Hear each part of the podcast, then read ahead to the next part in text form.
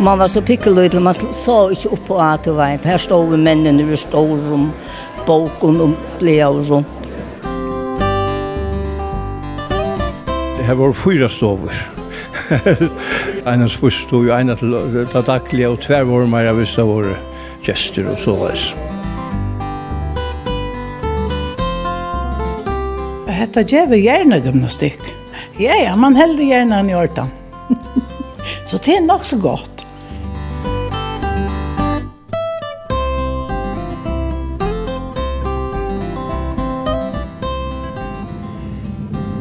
Gåan der, og velkommen vi ein nutjan tur.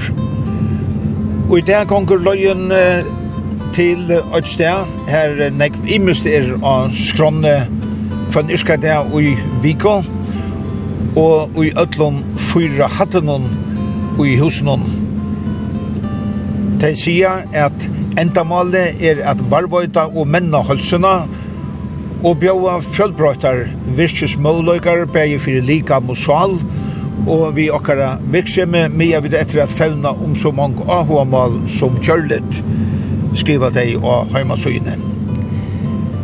Og i derfor er vi at vi tja pensjonistar som iskadeer samlast ui tilhaltnon og i tørskøt og i haun til er her som gamle fyrjabansje ui i midtbøynen vær fram til uh, senast i 50 år nå. Kvann yrka det er i mist av skronne for pensjonister, og jeg så skronna av heimasynet tja til noen, og det ser ut for mer som det henter selja nek i det, manna det. Hette er vi tåre og tåre og i tilhalt noen i havn, som samståndes er tårer nummer 300 av Hesonslænen.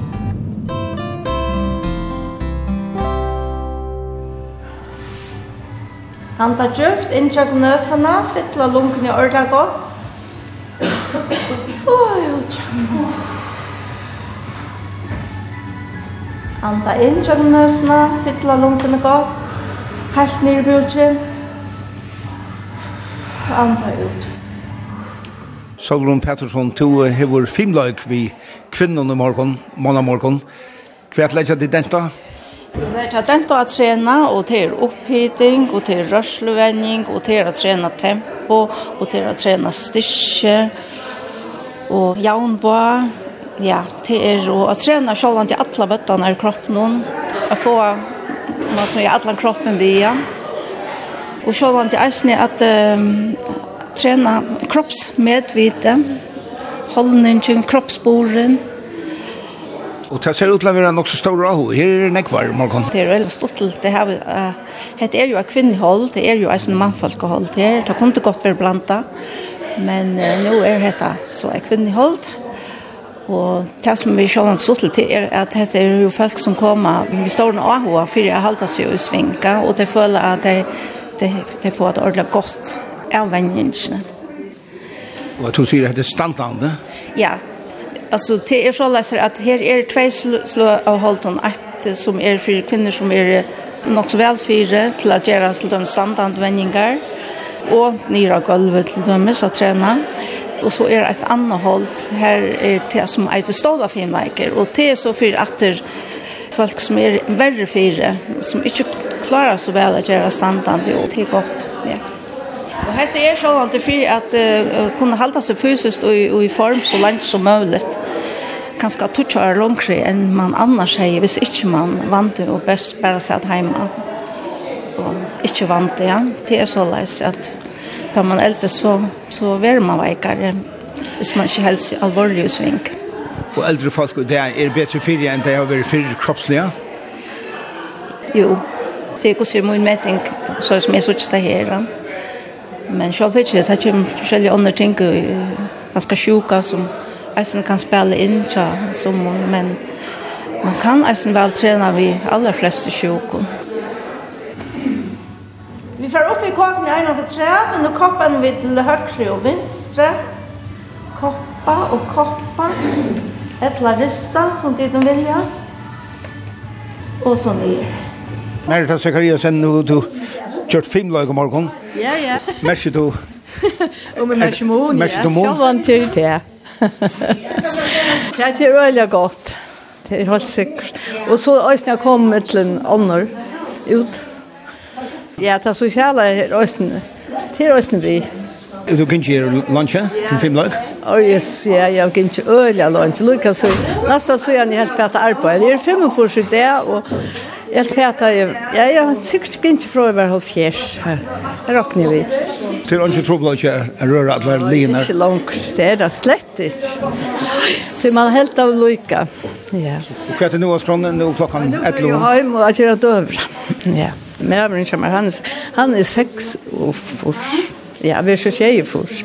Så nu får jeg ha med att göra dövra klockan Hva er så att han? Ja, så, så kul vi den andre så er det som det kommer. Vi er vel fire, etter alt som noen. Det er alltid sjål. Ja. Og han kommer ikke til alt det? Jo, nei, han går igjen i baden og tar nøttene. Her røysene. fin løk. Øyne er fem vikt. Ja, fem vikt. Ann, takk for det. Ja, takk for det.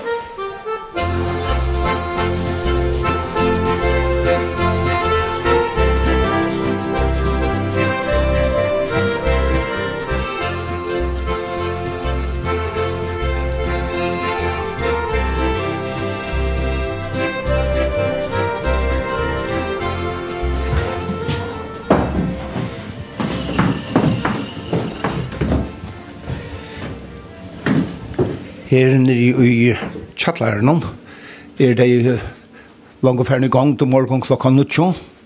Hva er hodden arbeid i morgen?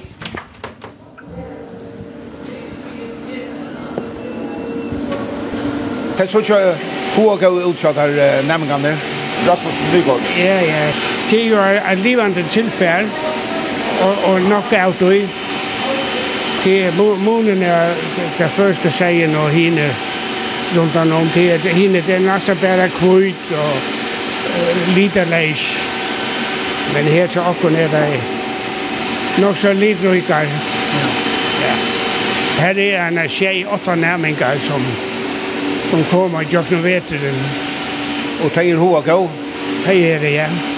Och så är en paus där får att prata. För att man kan göra och kväll köpa till. Vi møter klokka nutje, nutje til på natt. Ja. Og her er så utsikring, fordi vi ikke skal andre for nek støve nysgjær. Så her er god udsikt til at være. Her er et gulvvej meget, så det er nok så behageligt at gænge her. Og en av nærmen kunne her til hoppen arbeider Andras Vinter. Nu er han ferdig dussikva.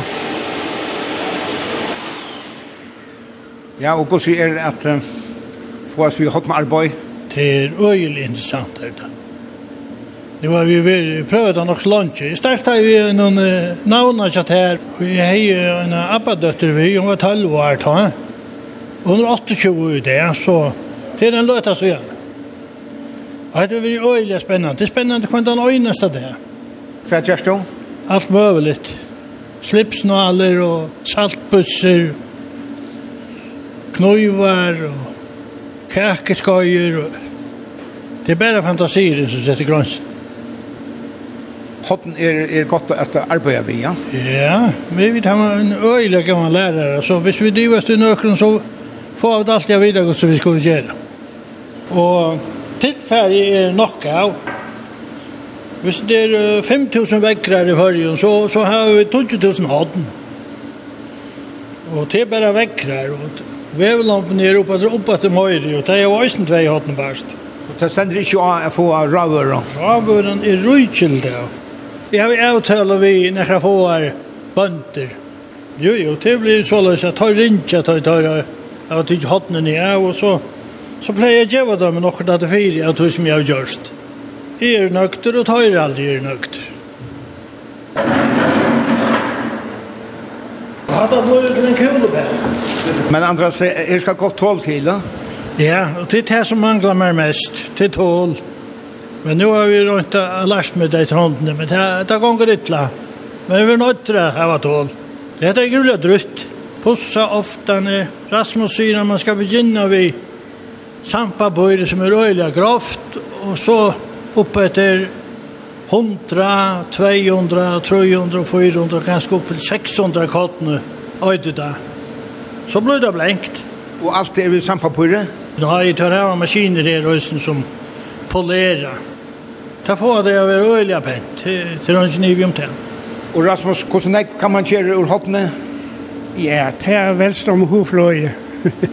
men uh, nok så, nok så nej, ja. Men allt häver ju her var sånne avmassningar, ja. Så pitteluter og så bruksluter, det er nok det, det meste som er brukt til hotten så er det jo eisne bein, bein der kommer, så det vil jeg det. Skal de have en, en skai som skal ui, ja, ui syltetøy eller så, så er det bedre vi bein enn hården. Ja, hvis man kjenner tilfærdet, så finner man det jo der, og tilfærdet kan bruke til terror og det terror. Så tid arbejder jeg også ur, ur bøjene? Ja, det gjør det. Uh, Nederbein, og så kvaler tænden, og det er det vet, og kleiv klei blei nok så blint. Vi der er trutja tøymar, fyra part månad, ja. Og tar enga kjøtt av tøymar. Og så har vi sjølvande en kaffepaus, og her ordnar vi så resten av problemen. Fyna grøyre til det. Så til området det har noen frutjær utriv til man blir pensjonister? Ja, hvis man overholdt seg til det, så er det fyna grøyre. Og her til er det ikke bilen, vi holdt seg ned sykler jo også negv. Om sommaren, ja. Det er så gammaldags at det er sykler bare vi slopp. og det er så få her etter. Og det er vi i Vestfartån? Ja, vi er vi Vestfart Hån nå nok rar, ja. Til vår nekva turer sørste sommar? Ja. Vi sa et oppgjørelse i Vigos nekva da du er vi, og jeg stod til å ha vært 60 turer, så middelen, middelen av er her. Stått litt i kvarja fyr. Vi har vært jo skreier reisende for noen år igjen at det var tøy Kai, sånne enn han levde. Så får vi når og vi Duegar og fikk just et lær. Og vi det var også just Kai der tøy, etter tøy gamla minster som var her i Følgen. Og vi her var der hun er litt mer enn vi arbeider vidt tøy. Eirik Sone Danielsen, løyer fire tilhaltig i havn. Kvært det til dette i virksomheten her i tilhalten? Vi lægja det da at det er sinte for, for ødel. At, at skrøyen skal være så fjellbrød som mulig. Det er alltid det viktigste, og det er at folk kunne bare komme inn, være og fære. Det er metta i ganske, kan man si. For det første så, så har vi denne en nok så fullfugget skra, og, og folk kommer til de tingene som er i skrønene. Men så er det eisen til som har hva kommet inn og få seg en kaffemån, og, og, og, og det er jo eisen, bare eisen til, eller bare sette seg ned og lese en bok, eller hva det nå ennå for skal være. Eh, så de fleste kommer aller helst til filmleik, eller til utryv av, av forskjellige slag, eller firelesser, eller konkurturer, eller hva det nå ennå for nøyer. Vi har filmleik bare for menn og for kvinner, vi har stålet filmleik, vi har venningarhølle som er åpne, allt alltid har hus i Europa, och hus i Europa från 9 till 4 kvant det, ja. Du spelar hockey och og uppe i Finsen en från veckan. Det är väldigt stort det här kunde du godt ha flere folk till till såna helt andra Så är det sånn kvaliskola luknande på som uh, maskinbinding, veving och och og hodden og som folk melder seg til for en heilan veter hinne tingene til så som det kommer, og, og hvis det er filmleker så betaler den 20 kroner for jeg vil vite han det inn, og, og det til. Så det krever ikke mer tilmelding enn en det. Det står at ikke er sånn til fredagsanger kvann tushmorgon, da kommer det cirka trusk til forsfolk hver eneste fer, og det, det er faktisk fantastisk at, at oppleve at at de kommer hjemme, færre hjemme fra at de klan ekkert styrer nudje, ta, ta, begynner det første jeg kommer, vi synes ikke for klant nudje, og ta er huset fullt. Håkon Etlu og måten han er her ved morgendrekka, da kan man komme og få seg en drekka mån.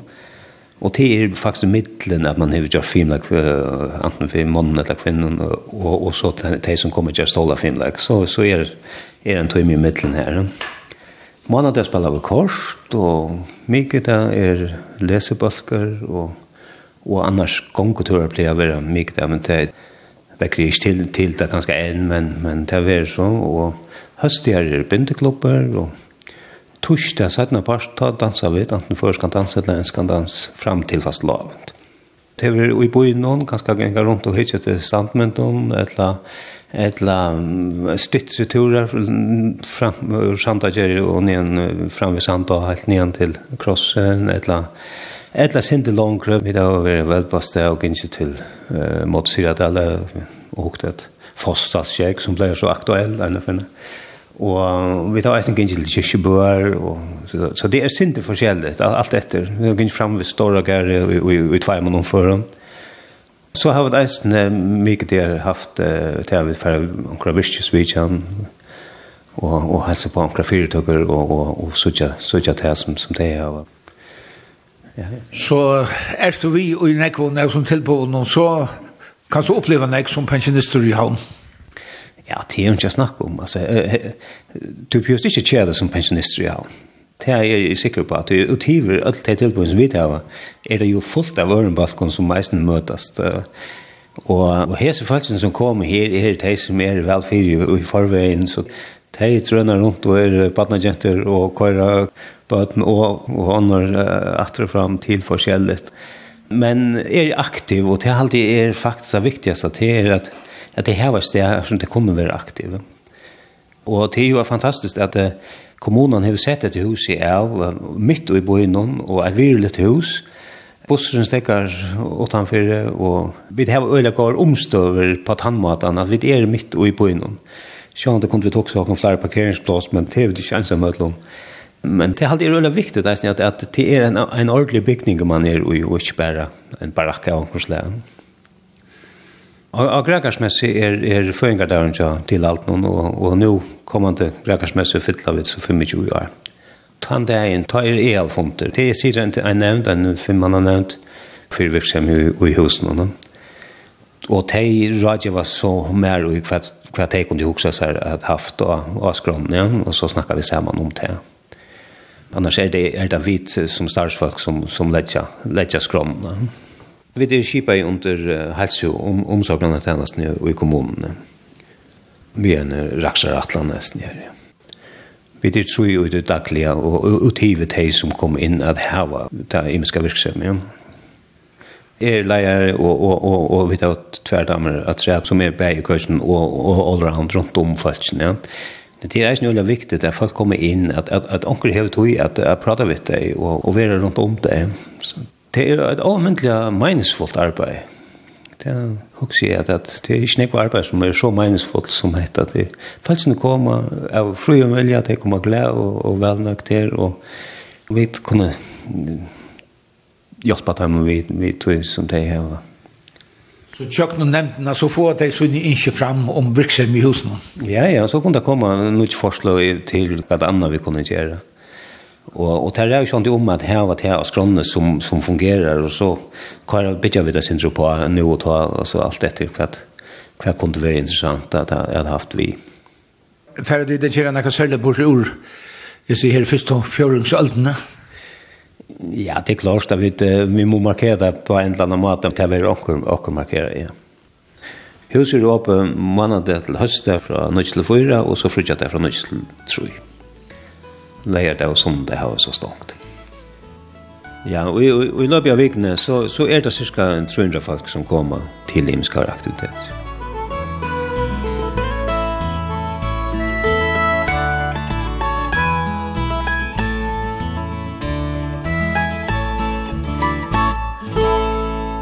Merda Godsen, til underviser og maskinbending, og er det større av fyrtøy? Ja, det er det. Det kom alle etter og arm og arm. Og da må det vel alltid. Der skulle slippe gjøre det som der hava hovet binda, så hjalp jeg dem en gang, og, og hvis det skulle kjenne maskinen og vet, det er ikke imisk for en stat i det, da. Så det er sånn individuell undervisning. Tid av gav omstår her, det er jo i Elva her. Ja, helt utrolig gav omstår. Godt plass og Jeg har tvei li, og et måned der, og et mye der, og så er det noe. Hei Veik, Tinskær, du er stå en av nemmingen. Er det spennende å binde med maskinen? Ja, det er ordentlig spennende. Og kanskje jeg synes det er en fattende, men det kommer oss inn så vi og vi. så akkurat kommer bort i. Det er ordentlig spennende, ja. Hva er det som er spennende, vet du?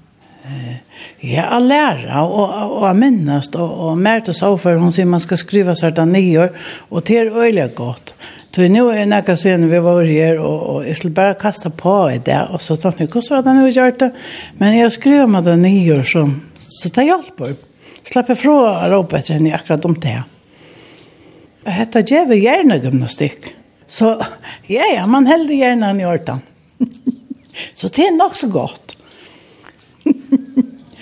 til alt det ordentlig godt her, deilig å komme, og, og, og her så noe med hverandre som må komme, ikke du hitt var eisen godt, men det er på hver som måte, han, han gjør et størst arbeid for tilholdet, vi er litt av dem her opp.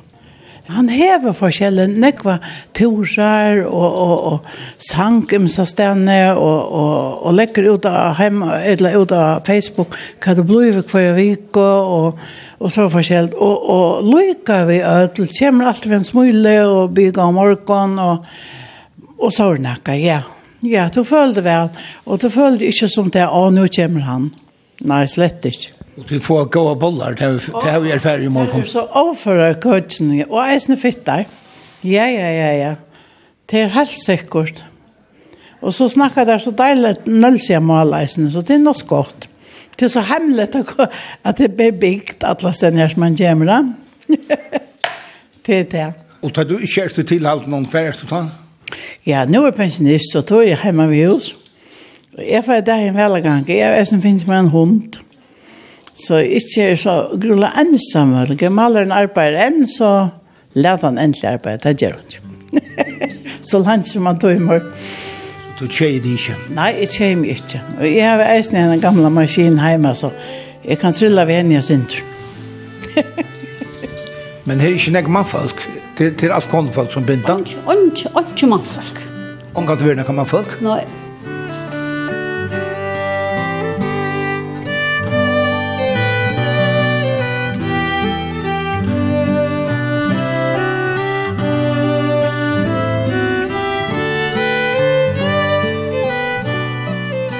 Nu er jeg inne i køkken i tilhalten, og Annelin Davidsen, dette ser som nybæka ut. Ja, jeg har akkurat bæka seg her. Hva er det da? Dette er faktisk brådbrei. Og de damer du døla vel spør hver oppskriften kom fra, men det kan jeg godt fortelle deg hver oppskriften kom fra. Hun er kommet nemlig fra Maut. Hun bor jo til Nøfse, så han kjenner jo vel. Maut Vank. Og her er, her er tve slø av, av Kottnonøy, Og her er tvei slå av frø ui. Og det som er så populært, det er nå skal man ikke ete for nek mjøl, men her, og, det mjøl som bruker er maismjøl. Og så er det faktisk bare vatten og olje og salt. Og i sånn tid her var nek i minst av borren, er, er til kjera det meste sjolve? Ja, det er øyne nek bæka. Og så har jeg en her eisne, vi, vi hun dår øyne vel å bæka bollar og brei, og det er ikke mån, altså hun dår å bæka alt møvlet av mjølet. Så vi brukar alltså släppa fra att köpa så väldigt bra in så och bollar och så som vi äter och så är det den hitlen här vi smakar som helst ska standa fullt vi smakar och imsk smaka men det är inte alltid att uh, ta ettnast att allt är fullt i sen. Till öle skall de ha några recept här men till öle ofta bara hemmabaka. Och till nästa som äter här. Det är det ja. Eh uh, vi tar faktiskt en morgonmat som är klockan halv 11 til 11.15. Ta er det en gav morgenmat som stender på borgen, og til er det så alt det som, til alt det som er i husen å ta. Altså, de som arbeider har også tjattler noen, og de som har heser tasjene, og kanskje er onker overvast, eller nast overvast, og så samlas vi det. Og pluss det at det er sånn at man kan komme utifra inn i midtelen holden 11 og kvart over 11 jeg får seg morgenmat. Så det er faktisk åpent til til at her stendur bussa bor noen, og til at korene tjokran ui her, så, så har man lukka som betalt for det. Og, og altså, da har så vært tiltøk og forskjelligt, Og så langt klokkan halvgon tolv, altså 18 år her morgen med den lever, halvgon tolv, så blir jeg til døms filmlegeren som er inne i samme lokale. Han blir jeg langt etter halvgon tolv. Og da skal alt være lukka som, eller altså, hvordan jeg lunda klorst til å gjøre filmlegeren etter. Tannfimlagren, han er så lever hognart, så, at, så var det faktisk at atter hognart. Vi, vi eisne, altså gauon, jeg vet ikke man kan kalla det, altså, jeg sier, man kan ikke kalla det brunch, men det er okkurs godt av borno. Det kan okkurs eisne okkurs være heit. Okkurs du, som kommer på bordet. Og, og det er jo glad for at, at det er så godt og sosialt at det er det bæje socialt og at at, at vi rör och om jag rörsler så det är ju eisen gott för, för oss. Ja, ja. Vi, vi hälsar väl kella i bollarna. ja, ja. Og få formösen till klippet der, ne? Ja, det er for lugga som. Tar grov og så tar sjukjes sin drøyvis ut så ser man. Tar som bärer kvitter tar ofta bara rundt. Men da må väl att bäcka boller, men i klippet där inte. Och så. Youtube kan brukas øyne meg. Läxan siden jeg gjør denna for, så. Så pleier blev jag göra månaden på tandbastan. Så ser det sin intressant der ju då. Jo, vi brenner å gjøre så mycket som möjligt fra grunden. Og så får man så dölja røyken i huset sammen. Det er enkelt. Hunden, han kommer vid mätten och kaffen. Ja, det, det tar man jo til å prate. Det er ikke öle godt å komme og røre seg og alt det som man gjør. Men at det her er så prikker det i vrije. Det mest du vel? Ja. Kan du om det? Jo, helt sikkert. Og så sier jeg det här att han klipper i bollarna på den måten, så synes jeg det ut som et blomster. Og det spyr jeg hver en finnes formannen fra at det vil jeg kjøpe samme former. ja, nå er det her kvinnerne litt nær vi Fimlandsjen, og nå er det bare stålet sett opp her i hølden, i fellagshølden. Så her vil jeg rikka til og rikka, rikka av Eirik Sone Danielsen. Ja, ja. En av løtene så er det, er det en uh, og så neste løtene så skal man, så skal man ete. Ja. Så det er atter og fram alle tiden. Men till till homalet. Så nu är hotna arbeid i kjallaren och tar bonte och vev och og kvart og søyden och och vant men nek felaks för fram här vi hade vi hade her. Ja ja. Att filmlägren är är här och fyrlästrar och allt allt möjligt är här här i hade ja. Sankren är minst. Ja ja. Morsnarna så så är det harmonik men som skulle spela. Og dette er um, gamle førjabankje. Dette er et uh, virlet hus. Her er nekvar utskjeringar og, og alt det gamle er varvo. Det er ekkert hundavet. Ja, det stender seg nok så. Og virlet. Ja, det stender så som det, som det er i 1906, da bygningen er, er bygd. Ja. Det er, det er nok så fantastisk at ungen har vært pilka vi hetta. Ja.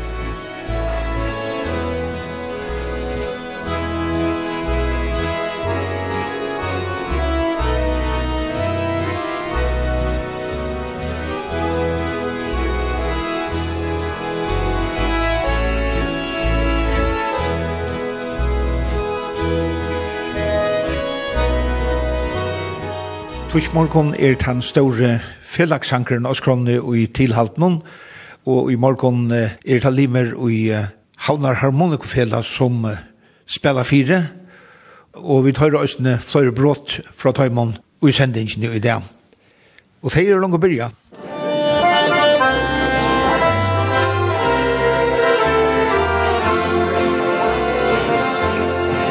Desin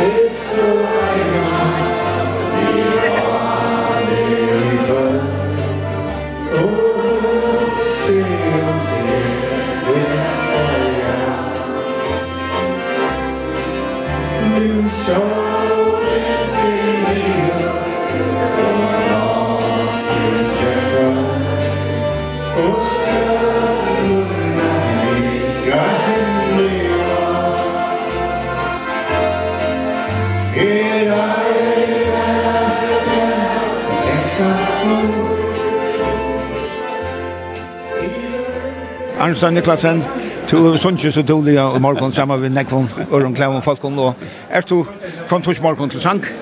Ja, vi vet vel gjøre av oss, en 12 år kurser. Og ta øyelige gode visen er at ødel er å lykke, arbeidsløyver 18-4, så ødel er ens og Sin jo eller vel vi. Ongen kapping. Nei, ongen kapping. Kvinna greier. Nei, jeg var etter det først. Men hva er det kjøvet at her?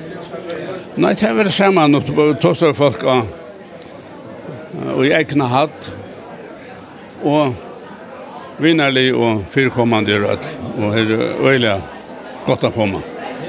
Kommer du til andre tiltak her i husen nå? Nei, ikke, ikke nekka fast, nei. Men sanker en annen fastor? Ja, det er det sagt.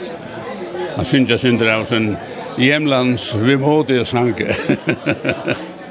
Ja, det er godt. Takk for det. Kirsten Hansen, du har sunnet så Tullia sammen med Øtlen Hidden om morgen. Er det godt? Ja, det er virkelig at jeg enda kommer atter i gang til å synge. Og fire, ja, fire, er det, det er fire år siden jeg gav til handelen, og det er så, så at det så folk som gikk etter og sammen, så tenkte jeg, oh my god, tid til begynne om, og nærmere det må en tur, men nå er det så bleit, det så må en tur, og det er virkelig deilt. Og her er vi samlet, og her har vi, ja, så har vi grannar kommer vi eisne. og så ikke folk at du så fyllt litt er det noe som færre, men allikevel så er det virkelig deilt. Så heter det gjerne kan se litt? Helt sikkert, og man ser hvordan, ja, man kan fyllt seg hvordan andre har vært eisne, og få et godt prat, og alltid gå og drekke munn, og vel godt at vi. Så det kan ikke være bedre. Og kommer du til andre tiltak til alt nå? Ja, vi er snivere til, uh, ja, så, ja, nei, til faktisk med, med sanger, men så er det enske danser og enske om uh, fyrstønskønn uh, mye Mikadan. Og det er, ta da man var eisen i øyla vanen, det finnes til langt i midtelen det her eisen her, her og i tarspill. Her må du komme inn. Her trener, og så slipper vi da dansa, og det er fyrstønskønn det også, eller som jo skrajen vi løgt. Så det er så deilt. Så, og her er alt mulig. Her er rørsler, her er filmlegg, er man ett eller fyrt, så kan man få til stål av filmlegg og imest annet. Så det är och på loften är allt mitt himmel å gjøre. Så här kan vi melde oss att de som blir pensionister? Alle tider tog at hese bygningen her, jeg sier meg og medaljene, tog at jeg minnes at det var som bætje, egentlig. Jag var sjåma, jeg bor så sjåma sen och kom nian ner og växla penger, och ta vart att tveier och ett öre och og man var så pickelöd man så inte upp på att det var här, her stod vi mennene, nu stod om boken og, och ble av rundt, och tog er det øyla godt at her var varvet etter høle, og at vetsen er det brune er så... Alt det utskårene og alt det vekre er framvegis her. Fantastisk. Så det er alt det beste, og jeg blir bare ølt at en kvar som er åhåra koma komme vidt, til å kjenner garantere folk atter som til å se for nekken åren sjøen. Og færre vi da blir atter. En sanger kom av båren som kallas Hin finske smadrongren. Etter en sanger som Peter Haberg er ist i 1993. Ta var et krutje mellom Russland og Finland. Altså, Russland tappte krutje eller det enda i en åpna kväll så vidt jeg minnes, Eller jeg har hört.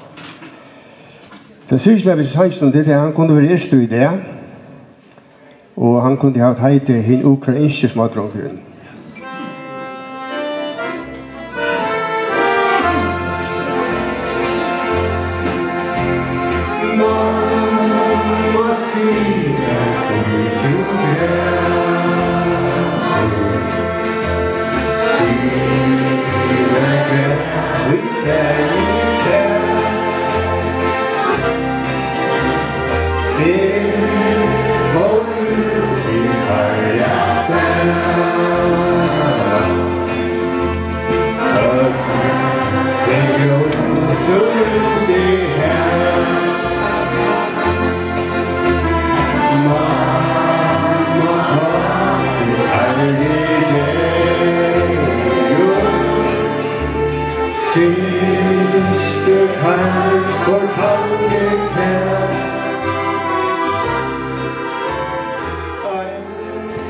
utan mitt jord nu du sunnkje, så dolde ju morgon og hette er altså den gamle förbanke og to to er arbete her.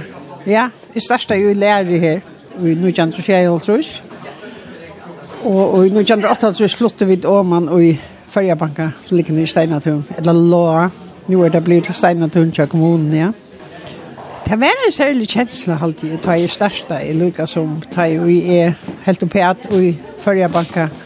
Og begynte jeg å komme her, ta var eis min tatsi at det var snett. Man begynte sånne karriere her, så enda man eis nere. Men hette vel varvått huset? Å, almindelig vel varvet. Det er virkelig godt at folk ikke har finnes lov at brøtt hatt store hølen nega nega seilis alt er utskorna og alt er som det er ta nästan akkurat som det er ja og kjalt bakka boksen hon er her eisne det största rum det vi brukta synd som kontor och så och vi brukta lutsynt till kontor men men här är förskällt in in i här. Ja. Och minns du att hon var brukt? Jag minns det väl. Torger Mår hon på var kassamästare som man kallar det tog i inne. En äldre dama från hon från London det var två systrar Torger och Dagny Mår som på arbetar i banken och då.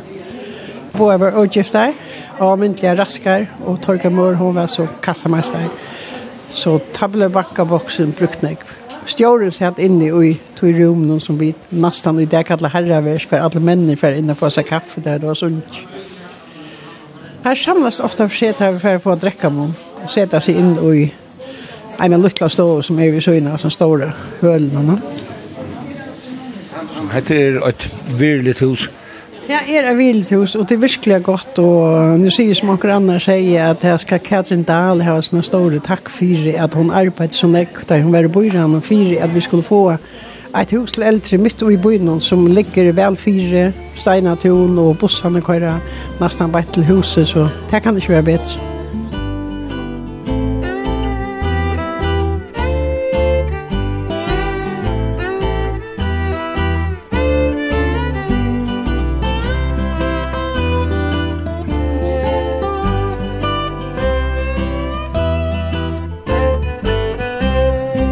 Berglot har haft massen nu då sunt ju morgon till hålet. Ja, det är alltid hålet att syns ju. Kun einaste torsdag kommer vi till. Och vi blir flöjre flöjre som kommer här. Det där vi där är så trus och fjärsfullt mötas skulle trösta att syns. Det är väldigt. Är är i här flör för vikna fast kvön kvön mandag till och kvön hösta till fin lökt jag soldrun och det är så djevande å genga til det. Og jeg, så, ikke hvis jeg fer på en tur i byen og en tur, så kan jeg fer gulvet prate av det og få meg kaffe på det sånn. Min barndomsvinkunn av Dahl var ta i byen noen, og det er vært noen år i byen og hun har hatt interessene for eldre økene. Altså hun ville gjøre noe for de eldre, så det får bedre, bedre omstøver her i havnene. Og så gjør du til til Bøyra i her i havn, forrøyna for til, til Øslands, og søkja seg uh, inspirasjon. Så møter Katrin øynene som sinder høgstandande personer som heier vi eldre øtje og rett av å gjøre. Og han sier, ja, hvis du atler at uh, skapa et uh, samlingssted for eldre, så skulle du uh, velja et hus som er fram og undan er kjent som et, et virligt hus som hever teken. Og det skulle ligge sentralt, og det ble altså bankahuset her, blant vi støyna til. Så det kunne ikke bli bedre enn det. Vi finner ikke alt huset på en av veien. Vi finner en par sted av det, og sjåvan det her var ære krefter som øyne gjerne vil liksom heva uh, sleppa inn om gottene her og til å rønne skaffe seg her. så var det, det her... Um, attraktiva steg.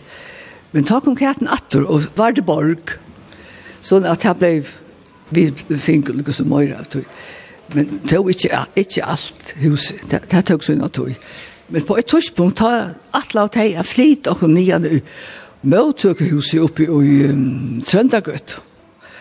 Og et av rett som jeg minnes vel, det var nok så interessant, det var det at vi samlet oss utanfor Bøyras huset, en større flokker av gamlen, tog at vi visste til at her skulle det være en funtor som skulle gjøre av om vi skulle slippe heve huset etter, etter okkara hoksan. Og det lukkast. Så at her har vært nekva gava krefter i gang for at, at få okken til å få oss i huset. Og, og nå gong det vel, Og nu har vi finnje ödlhusen, altså vi tar öja från kattlar til till översta loft. Det er här gång, vel til åkken. Og jeg jag hade ju at jeg bor i som nu sitter, det är positiv og det är åkken vel. Men det tog en tog i åren lyckas som vi, vi finko. Det gikk vel att tog når vi till gåa lojar mellan vanjo.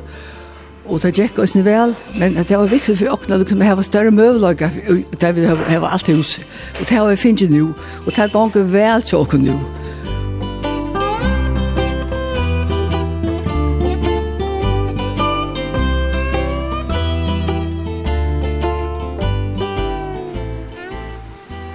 Det som nu er av skrone 17. pars torsdag og i tilhalten og i havn er føresk og dansor Og i Kylja til havn, det er ikke havslunche, det er Anna Skøye, Anna Veteren. Våknar du opp i bra morgen, samt i kottfær og i noen enn i vatskjønne og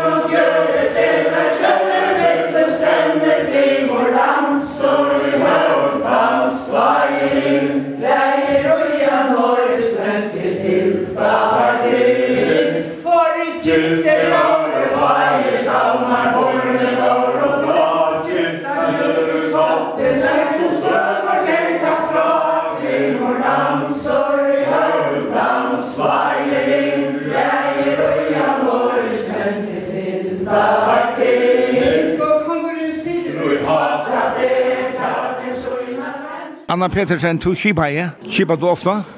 Nei, det er jo nekka søyan jeg kipa. Men da er man vel kipa, ja. Og det tekka vel under vi, da du kipar? Å ja, det er feiler ikke, ja, ja. Pappa må jo være en, en god kipar, men han da jo til jeg var seks år, så det er ikke her jeg har lært det. Altså, de som sier det ordentlig først, det er det man lærte i skolan. Jo, jo, er du nok, nok så nek, og nok så nek var kipa, ja. Så hette er nok så nått skilja lennon her og i tilhalten hon. Det er Rasmus som stilla fire det er funt.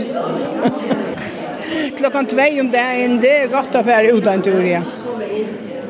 Men tilhalte er blevet så ena standant, så jeg vil da finne den nødja leier. Man føler seg som heima, jeg vet ikke ordentlig, hvordan han blir skjedd. Ja, vi er jo tannig, så i nærmen, det er jo sannig,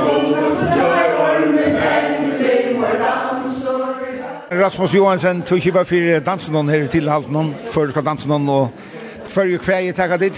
Nei, vi takka akkurat lagt at la tøyina, til dømes velkomne føringar, og, og føringar skjønne koma saman, her nekvar det gjerda, alt mulig svaret, og så har vi kvei i røsten, når det får Trondheim, Brestaskvei, og nå kvei hon, Møyra enn fyrir helt av ormen hon, og så det var veldig spennende at jeg har resten av ormen og nastenferien her. Det er veldig stort at jeg har kjølvukma vi og kua, vekkra tattarna vid det golvet som finner rör sig och kipa. Så det, ja, ja. Så er det folk som er vana at kvå? Ja, ja, med en parten av dem. Og et lag har ju gynns i badnadans. Det var omkast i allt ruschen och det var. Så det er det som kommer framåt. Og omframt at kua, så er det til ikke minst godt for det likame, og salene og høtten. Hvis man husker om at man skal minnes til å ha stev, og øyne uttrykker seg i kvævene. Så det er öra spennende vi tror. Hva er det att ta nå etter kaffe? Eh ta locken vi begynner vi brästkvarn och vi tog det för jag håller några färna Og så sa jeg, nei, nei, ikke takk alt, vi må ha fyr vi må lese på. Så jag vi till fyra gas ju hjemme. Stått litt der, där. Og vi snakker om det brästkvarn er ikke etter förgasö. Og hvis man så leser förgasö så kan man fylja øren noen det presteskvennom og almyndelig vel fremefter. Og vet jeg hva jeg her til at prester og beiner tar vi et lukkeldømmen et seier, og så er det vi atter til stauredømmen, og ta sautar trinna skuter, sikle møter neste, og tar måtte så halde undan og stopp ikkje inna lendingina i stauredømmen, men for den hekklena. Og hylte fram med hekklene som hemarskletter vær lytte opp så drøntjen der og sette der nye her. Det var her som vi tar kom til herre løy, at han var kommet på støyene, og det vi løp fra kroa her, så kunne vi godt fylle vi søvegångtene og kvelden. Så i første danser til å fortelle en søve av gulvet. For ønsker okkara hever så en egen mynd av det som hender. Halvågler var og bjattne bønner fram av det hamre, færa trønster vi som oppbyrdes,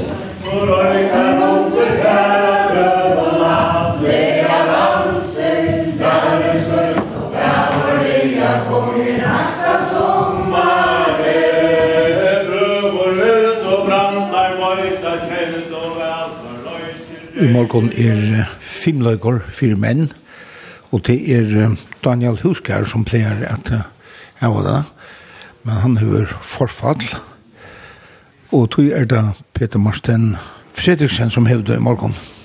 Og vi stand her, det var et bløstøve, og det er sin tid som ble uthørt, utenfor spennende bringene fram. Når det kom fram, han og kom fram, og så ett, tvei, tru, fram, livet, og så ett, tvei, tru, livet.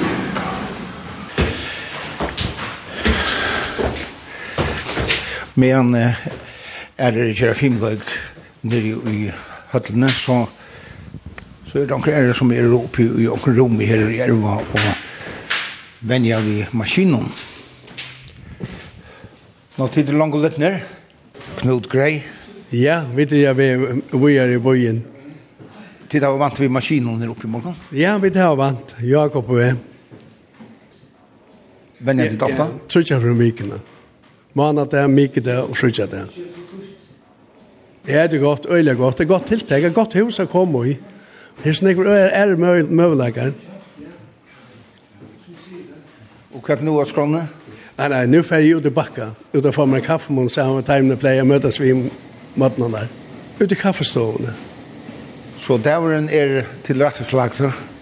Jo, jo, man må røyne at man er pensjoneret, så må man røyne for at høyene genka. Ja. Du er ikke trobla, ikke? Nei, jeg behøver ikke. Og en av dem som har gjort filmløg om morgenen er Otni Hansen, og Otni, til sier for meg at du har bo på her, som var førre bansje, som nå er tilhalden. Ja, vi bo her fra 1924 til Kjøltrus. Papen min ble ståre, og vi bo her i nærheten her hver i pedagogfella her nå, til at det var mitt første barndomsheim, kan man si, ja. Og så var det en øyla flott, stor leilighet oppi av her, og så hilde foreldrene at, at jeg kom til å være stått til å fære her i Vrabikva. Og det gjør det så. Og det var jo, jeg minnes, jeg minnes her, her var fyra stover. så brukte vi det ene spørst, og ene til det daglige, og tvervormer jeg visste våre gjester og så veis. Hvordan er det så at komme som pensjonister at du i dette Habarsli huset? Du, det er øyla stolt. Det er akkurat som ringgrunnen stått av. Jeg sitter bilen, parkerer den utenfor det første barnets hjemme, og så fikk jeg en kjører her, og så kjører jeg fimlag her, så man er ordentlig kommet etter. Men uh, nå er kaffe og skrånne til oss nivå litt. Ja, det er deilig. Hette her er helt lov i en oss. Jeg kom her til fantastisk. Jeg kom uh, mye da og flyttet til Fimleik, og så er vi og spiller, spiller til uh, Sankt Torsdag. Så jeg kom i hvert fall til ferien. Jo, jo, jeg kom den hver.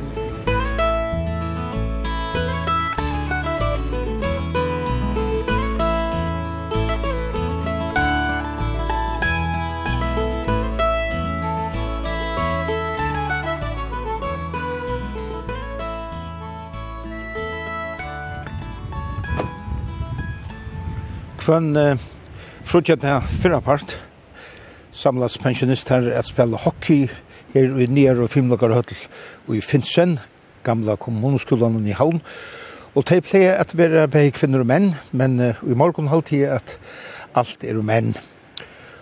Hockey er samme prinsipp som ishockey, men uh, ikke å øyse og ikke å skøyton. Man brukar en kjepp i håndene, og balteren er lytel og vi røpter pukker og så er det små mal.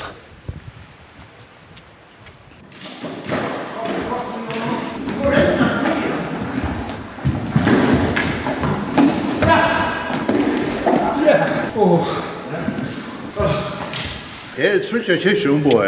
Ja, fyra, fyra. Minst fyra. Fyra, ja. Her er katolikk og adventist. Ja, jeg er adventist. Du er adventist, og du er Jehova. Og jeg, ja, jeg er kanskje snøy kyrkje. Jeg er kanskje adventist, ja. Så det er veldig vel omboe, ja. Ja, ja. Fem man som fyra kyrkje, det er ikke galt. Ja, ja, ja. Ja, ja, ja. Frans. Og Rasmus, tås at du slett ikke om atron av liv i skiftet? Eh, nei, ikke ta i vi spiller, ta i da, bolteren. Christian Gabrielsen, hette, hette godt hockey, ja? Ja, det er ordentlig godt. Du sa det ikke i utvarspen, men med sveita. ja, ja, ja. Så det er ordentlig godt. Så ikke to og, og nykort, tid kappast, dåliga. Ja, ja, ja, ja, ja. Det er ordentlig alvorligt, men det skal være stortligt allikevel. Ja.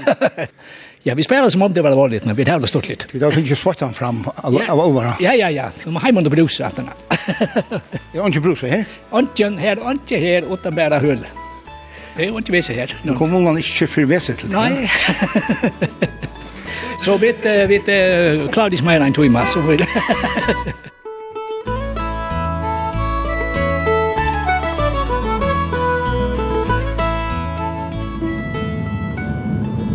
og hun har vært at høyre om uh, omfattende virksemme og i tilhalten og i Torskøt og i havn. Hese turen er atur at høyre og i utvartnån torsdag klokkan 11 og leierdag klokkan 4 og heimasøyene tja kringvartnån ber òsne til at uh, lorsta skriva kvf.fo framskak tt. Turen er òsne som potvarp. Vi Tori og Tori hever sujo av Facebook, og her kan du suja mynter fra ta minimiske turen, og ta vera østne mynter fra Heson turen. Takk fyrir i dag. Vi høyrast atur om øyna vikom.